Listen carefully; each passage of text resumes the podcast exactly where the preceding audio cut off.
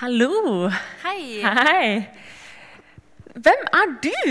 Ja, eh, jeg heter Sunniva Fuglestveit. Det er ikke sånn NLM-etternavn for dere som har prøvd å plassere meg, men jeg kommer fra Mandal på Sørlandet. Så jeg er 24 år gammel, og så studerer jeg bachelor i teologi og misjon på Fjellhaug.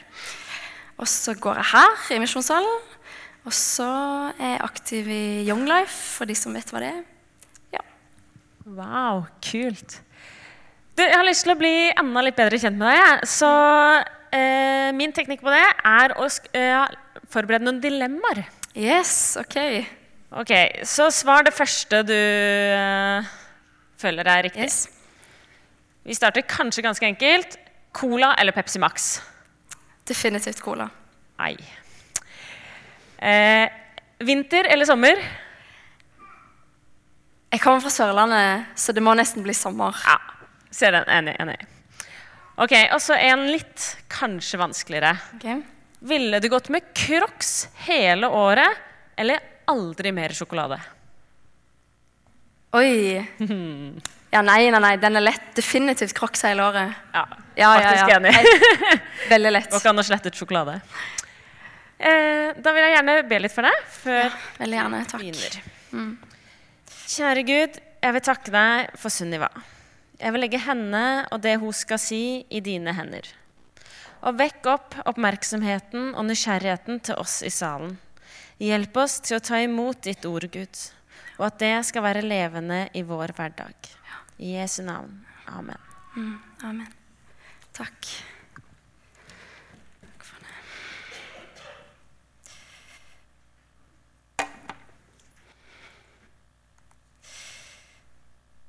Yes.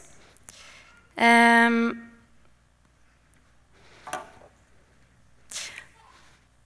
bør jeg stå litt på sida for at dere skal se den? Eller det går greit? Jeg er såpass lav. Flott. Em, først så må jeg bare beklage på forhånd. Det kan bli litt sånn hosting og harking, for jeg er egentlig litt syk. Eh, så derfor bare bære over med det. Men det skal nok gå bra. Men eh, nå har jeg fått sagt litt om meg sjøl, eh, så da vet dere litt hvem jeg er. Eh, utenom det jeg nevnte, så em, så vil jeg bare få takke for at jeg får lov å komme her.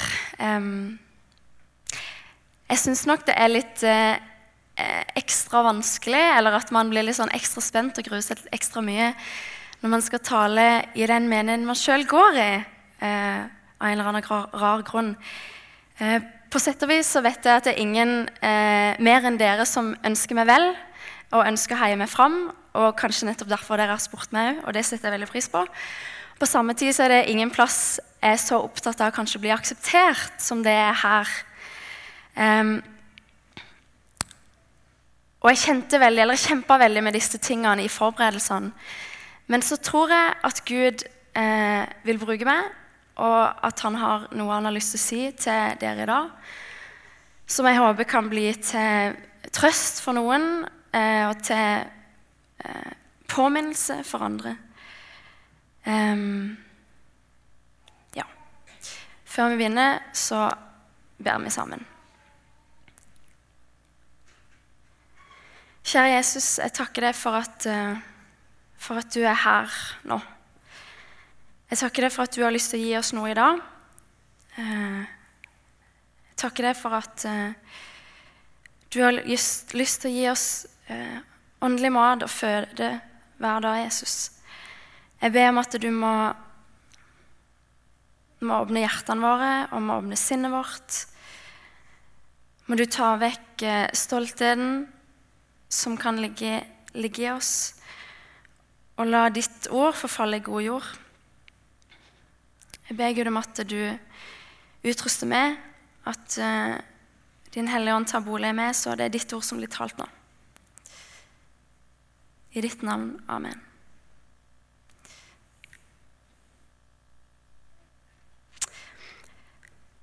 Arbeid ikke for den mat som forgår, men for den mat som består og gir evig liv, den som menneskesønnen vil gi dere. Jesus svarte, Jeg er livets brød. Den som kommer til meg, skal ikke hungre. Og den som tror på meg, skal aldri tørste. Disse versene kunne egentlig stått for seg sjøl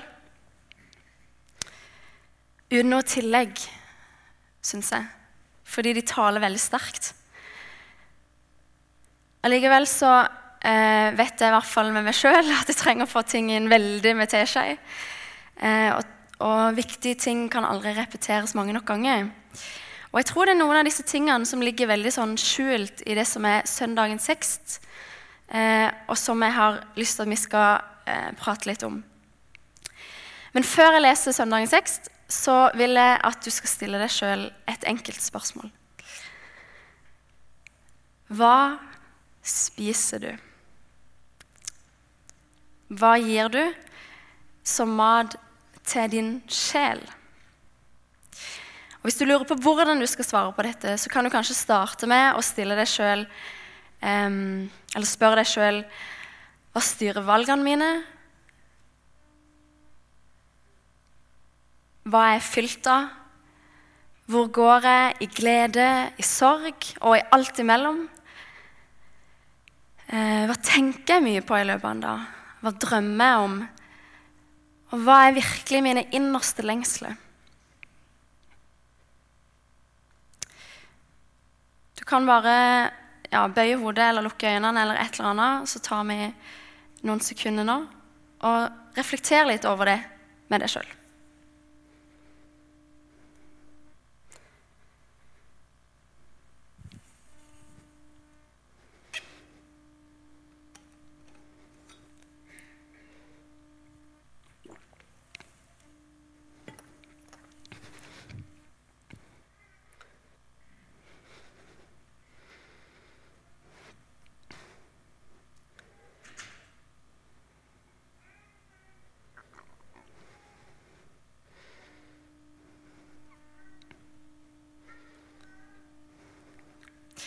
kan vi får neste lysbilde. Så leser vi søndagens tekst, som er eh, en veldig kjent historie. Den er henta fra Markusevangeliet kapittel 6 eh, og eh, er kjent som brødunderet. Apostlene samla seg igjen hos Jesus. Og fortalte han om alt de hadde gjort, og alt de hadde lært folket. Og han sa til dem, 'Kom til meg til et øde sted, hvor vi kan være alene og hvile dere litt.' For det var så mange som kom og gikk, at de ikke fikk tid til å spise engang. Så dro de ut med båt til et øde sted for å være alene. Men mange så at de dro vekk, og kjente det igjen og fra alle byene strømma folk sammen til fots og nådde fram før dem. Da Jesus gikk i land, fikk han se en mengde mennesker, og han fikk inderlig medfølelse med dem, for de var som sauer uten gjeter. Og han ga seg til å undervise dem om mange ting. Det var nå blitt seint på dagen, og disiplene kom til han og sa:" Stedet er øde, og det er alt blitt seint. Send de fra deg, så de kan gå til gårdene og landsbyene her omkring og kjøpe mat. Men Jesus svarte, 'Dere skal gi dem mat.'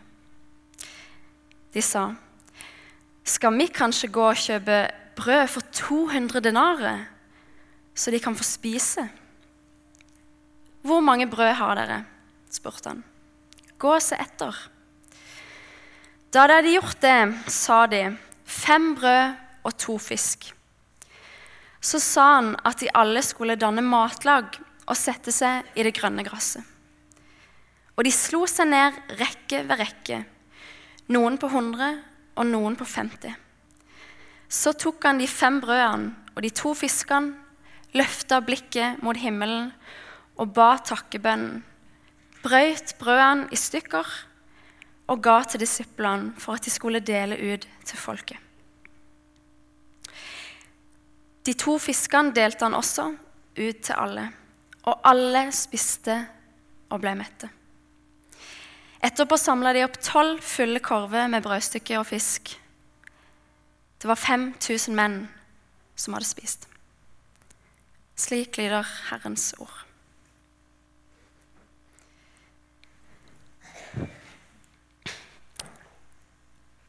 Jeg nevnte at jeg strevde litt med forberedelsene. Um,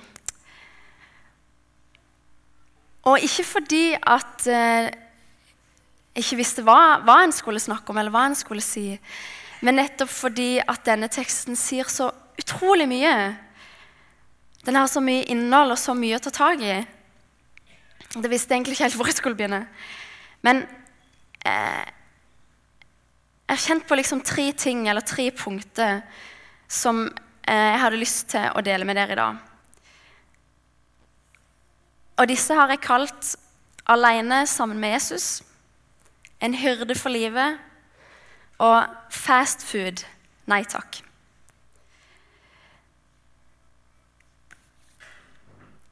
Vi begynner med det første.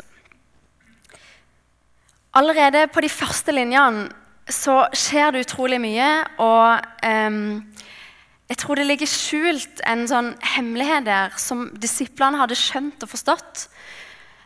Eh, og som vi òg, som disipler av Jesus, trenger å skjønne og forstå. For disiplene de hadde nemlig nettopp vært ute på det vi i dag kanskje ville kalt en turné. Eh, og hadde, Jesus hadde sendt dem ut to og to, og han hadde gitt dem makt over de onde åndene. Eh, og de hadde dratt ut og de hadde forkynt for folk, de hadde bedt dem om å vende seg om. Og de hadde drivt ut onde ånder i Jesus sitt navn. Og de hadde salva syke, står det, og de hadde helbreda mange mennesker. Men så får de denne sjokkbeskjeden. Johannes, sin, de sin venn, han har blitt drept. Han er blitt halshogd.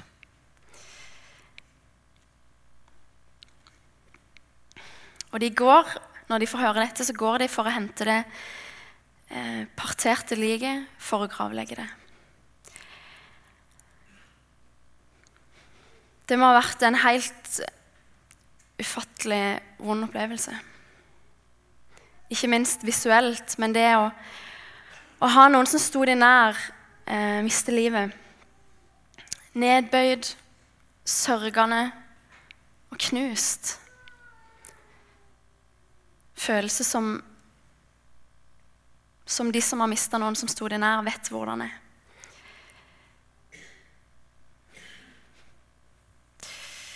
Men hvor gikk de? Hvor gikk de etter dette? Det står i vår tekst apostlene samla seg igjen hos Jesus. Wow.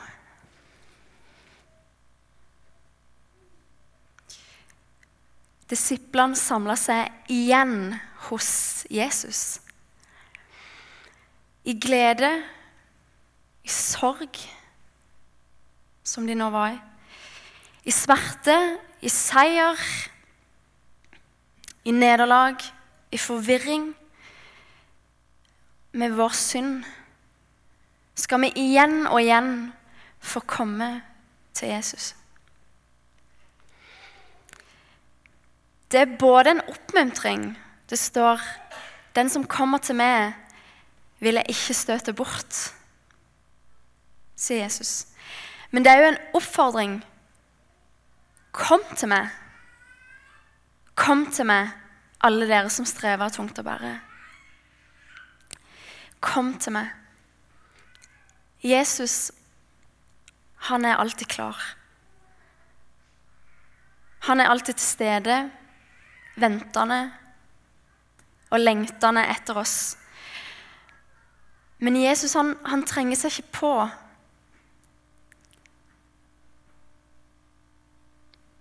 Vi må, vi må komme til Jesus. Vi må sjøl komme og få lov å være hos Jesus. Og det er faktisk en øvelse. Det er en øvelse å komme til Jesus i alle livets faser. Det kan være veldig lett i noen perioder, og det kan være veldig vanskelig i andre perioder.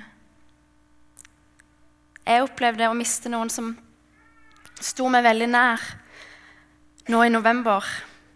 Og jeg hadde alltid tenkt på forhånd at det må være så lett å komme til Jesus i sorgen, for der kan jeg bare få trøst.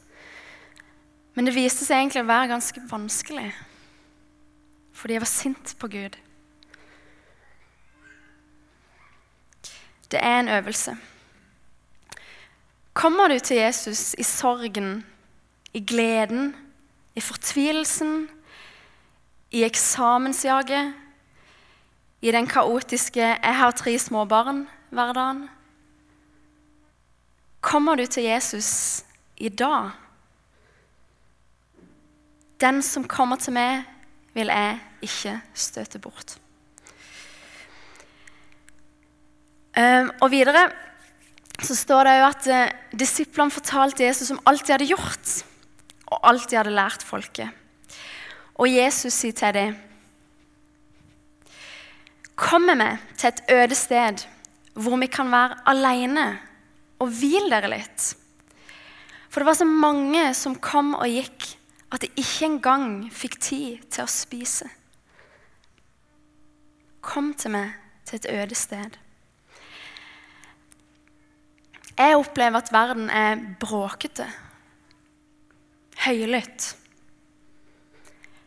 Den er full av høylytt, bråkete løgn. Den er full av uro og ufred. Til og med mennesker som ikke har lest i Bibelen, skjønner dette. At jeg må, jeg må ut, jeg må, jeg må vekk, jeg må ut av byen. Ut av kaoset, ut av bråket, for å finne roen. Du kan ta neste. I Hoseas bok så står det et veldig veldig interessant vers. I kapittel 2 så står det Derfor vil jeg lokke henne og føre henne ut i ørkenen og tale til hennes hjerte. Eh, for dere som ikke kjenner så godt til Hoseas-boka, så fremstilles Gud her eh, som den gode ektemannen som eh, Hosea, som gifter seg med horkvinna Gomer. Og Gomer er et bilde på israelsfolket, Guds folk. Og før dette verset her så, så leser vi at Gomer har vært utro mot Hosea. Det vil si at israelsfolket har igjen vendt seg vekk fra Gud og dyrka avgudene. Um, men så får vi se inn i dette verset i en fantastisk, ufattelig hemmelighet. For Gud avslører nemlig hvordan han har tenkt å vinne tilbake si kone, vinne tilbake israelsfolket. Det står 'Jeg vil føre henne ut i ødemarka, i ørkenen' i ensomheten. All denne uroen, den forvirrer henne. Hun trenger stillhet. I ørkenen kan hun komme på avstand fra alt det som nå opptar henne. Da får hun tid til å tenke seg om. Da blir alt det andre borte, og hun blir helt alene med Gud så hører hun ikke lenger bråket eller løgnene eller lokkerne. Men det blir endelig stille, så hun kan lytte til Gud.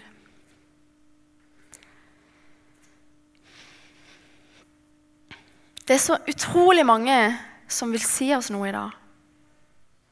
Det er så utrolig mange mennesker, utrolig mange reklameplakater ufattelig mange selgere, TV-serier, ufattelig mange politikere eller bøker eller podkast er det hvis det nye.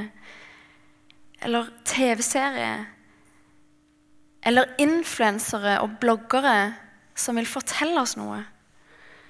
Som vil si oss noe. Og ofte så viser det at det de sier oss, det er ikke sant engang. Det er ikke alt som er løgn.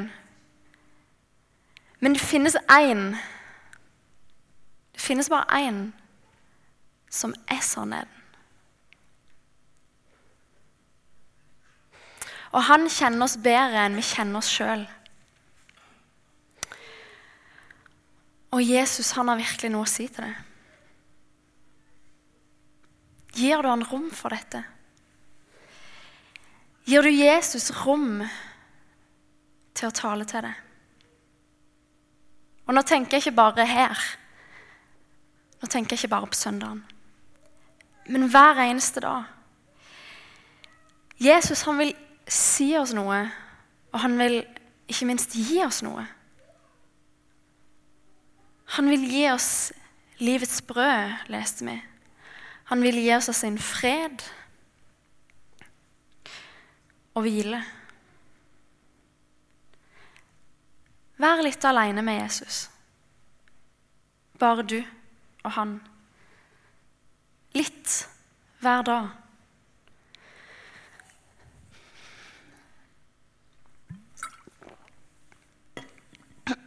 kan ta neste.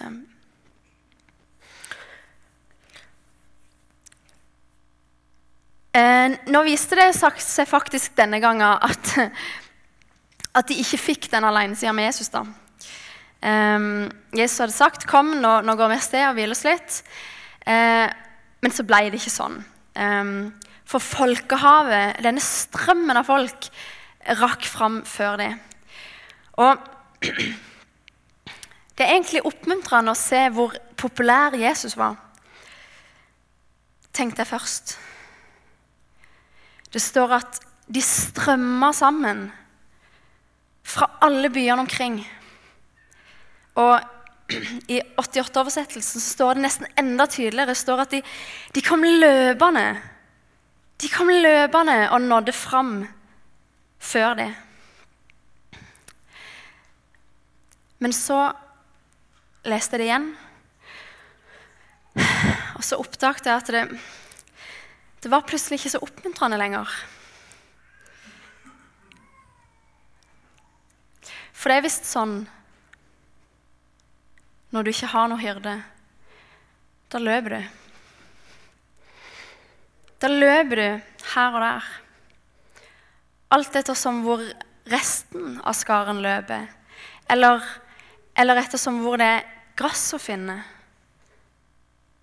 I menneskelig forstand kanskje gode eller, eller lykke eller penger.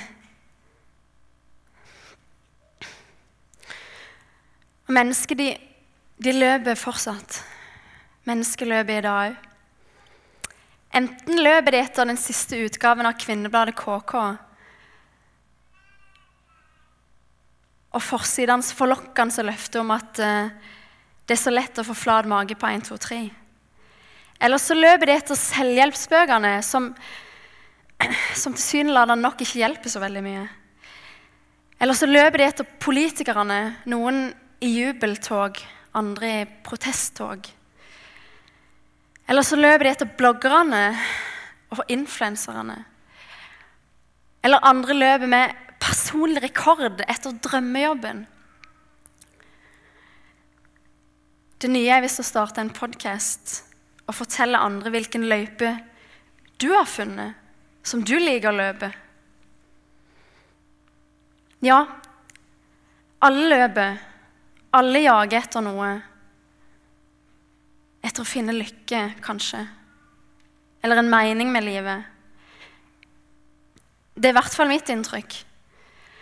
Alle søker en mening, enten de vet det eller ikke, enten de vil innrømme det eller ikke. Jeg treffer mange ungdommer gjennom Young Life som, som har en så tøff attitude. Som tilsynelatende er fornøyd med sånn som livet er, og som, som egentlig ikke sier at de løper etter noe, men livet sitt viser noe helt annet. De søker egentlig noe, men de veit ikke. Men disiplene de hadde jo en hyrde. De hadde en hyrde. Og det var jo akkurat derfor de kom til Jesus igjen, som vi las. Men de som ikke har hyrde, de vet ikke hvor de skal gå. De vet ikke hvem de skal komme til.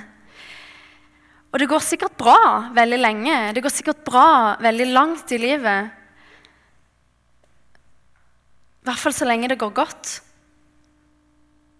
Men så så slår livet sprekker plutselig. Og da føler mange seg virkelig bortkomne. Og dette så Jesus. Dette kunne Jesus se hos disse menneskene. Og i det øyeblikket så lot ikke Jesus løftene om hvile til de sauene han allerede hadde, stå i veien for det. Det står at Jesus fikk inderlig medfølelse med dem, for de var som sauer uten gjeter. Jesus han forlater noen ganger de 99 som han allerede har, for å finne den ene som er kommet vekk. Og Det er ikke sikkert at hyrdebildet taler like sterkt nå som det gjorde den gang. For alle oss her inne kjenner kanskje ikke den, det yrket så godt. Men, men hyrden sine hovedoppgave det var å føre sauene til vann og mat. Og til å beskytte dem mot fare. Og Jesus så folket sitt både legemlige, men ikke minst åndelige sult. Og så forsørger han for begge deler. Og Jesus han er den, akkurat den samme i dag. Jesus vet hva du trenger, sjøl når du ikke vet at du trenger det. Han er den gode hyrde som fører oss til mat og til vann.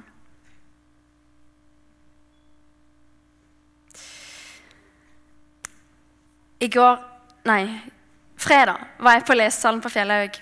Og der var det noen som hadde sånn, et bilde over, over um, pulten sin på lesesalen der det sto 'En dagsorden for en kristen', som var skrevet av Karl Olaf Rosenius. Og han skrev på den dagsordenen Hovedsaken som først og fremst trøster meg, er at Kristus er den gode hyrde som tar seg av, som føder og bærer sine får og lam, og gir hver enkelt den mat de trenger. Du kan ta neste. Vi hopper til siste punkt og går inn for en landing. Når vi er innom denne teksten, så er det klart at vi må, vi må si, noe, si, noe, om ikke bare det vi har snakka om nå, beklager, men om dette underet som skjedde, da. Eh, det ble sagt på en søndagsskole en gang, eller det ble spurt til, til ungene på en søndagsskole om de kom på noen under som Jesus hadde gjort. Om de kjente til noen under. Og Da var det en liten gutt som rakk opp hånda og sa at ja, en gang så delte Jesus en fisk opp i 5000 biter. Um, jeg tviler på at det var akkurat sånn det skjedde, men um, det var en litt morsom historie, da. Men altså 5000 menn. Og uh, i noen av de andre evangeliene så står det at dette var forutenom kvinner og barn. Kanskje snakker vi 20 000. 25 000 spiste og ble mette. Og alt de egentlig hadde på forhånd, var to fisk og fem brød. Et mirakel. Og Det sies veldig veldig mye på få vers. Og vi kunne nevnt veldig opplagte ting, som, som at Jesus er den bedre Moses som ga brød fra himmelen. Og vi kunne snakka om tallsymbolikk, og vi kunne snakka om at vi skal kunne gi, gi, det lille vi har, til Gud, og så vil han velsigne det. Men, men akkurat i dag så er det en annen ting jeg vil at vi skal se på.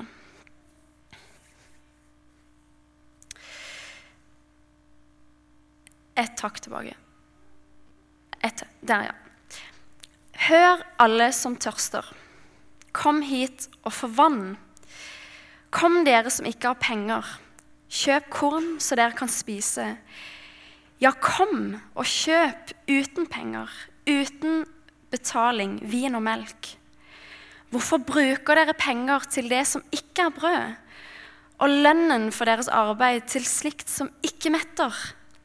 Hør, ja, bare hør på meg, så skal dere få spise det som godt er, og fryde dere over fete retter.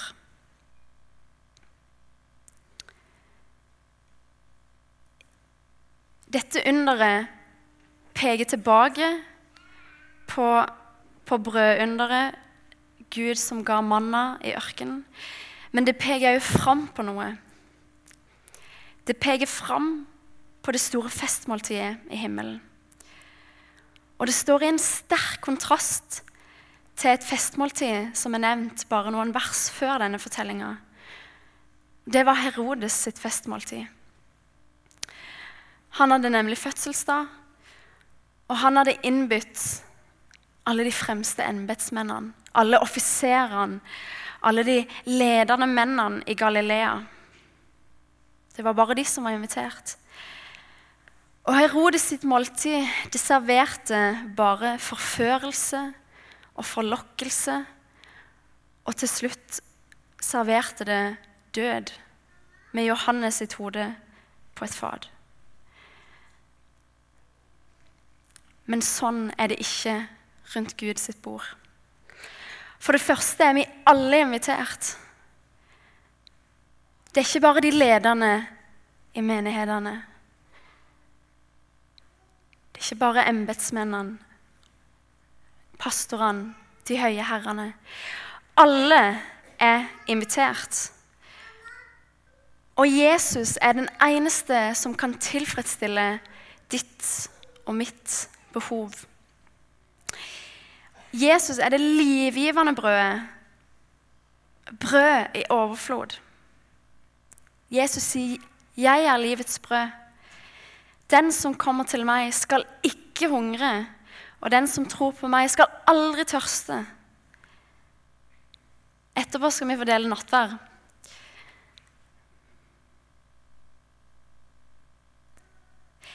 Jesus han, han gir oss sitt hellige legeme og blod, sier vi da, i nattværen. Kroppen som han ga til soning for alle våre synder, sier vi. Dette er livets brød. At vi får ta imot den nåden som Gud har vist oss. Men ikke minst at vi lar oss fylle av Jesus. Vi kan forsøke mange ting. Vi kan forsøke fastfood-løsninger, for å bruke det begrepet. Vi kan kjøpe de siste utgavene av KK. Vi kan lese til vi ikke orker mer av disse selvhjelpsbøkene. Vi kan klatre så høyt opp karrierestigen vi bare våger, men vi blir ikke mette av det. Vi kommer ikke til å bli tilfredsstilt av det. Hvorfor bruker dere penger på det som ikke er brød? Og lønn for deres arbeid til sånn som ikke metter? Hør, ja, bare hør på meg, så skal jeg få spise det som godt er, Bare når vi får spise av det Jesus vil gi oss, blir vi tilfredsstilt. Tilfredsstilt, men allikevel lengtende. For sånn er det så lenge vi er her. Vi mettes av Jesus. Men jo mer vi spiser, jo mer sultne blir vi. Sultne på Jesus. I Salme 42 står det noen veldig kjente vers. Som en hjort lengter etter bekker med vann, lengter min sjel etter deg, min Gud. Hjorten kommer og drikker. Så blir han tørst igjen og kommer på nytt. Og jeg tror det er en god ting, fordi det holder oss nær Jesus. Mette, men lengtende. Jeg spør en gang til. Hva spiser du? Hør, ja, bare hør på meg, så skal dere få spise det som godt er, og fryde dere over fete retter. Hør nå bare på meg. Kom til meg, til et øde sted hvor vi kan være alene. Så skal jeg fylle det. Kom og spis av det livgivende brødet jeg vil gi deg. Kjære Jesus, jeg takker deg for ditt ord til oss i dag. Jeg takker deg for at du er livets brød. Jeg takker deg for at du lar oss komme til deg igjen og igjen. Akkurat sånn som vi er. Og du har lyst til å gi oss noe. Jeg ber Jesus om at du hjelper oss til å sette tid til å være alene med deg. Til å våge å lytte mer til det enn å lytte mer til det verden har til å si til oss. Gi oss i dag vårt daglige brød. Jeg takker deg for nattværen. Jeg takker deg for at vi skal få lov til å ta imot din kjærlighet og din nåde gjennom brød og vin. Takk, Jesus, for at du ga din kropp for oss. At du døde på et kors for oss. Amen.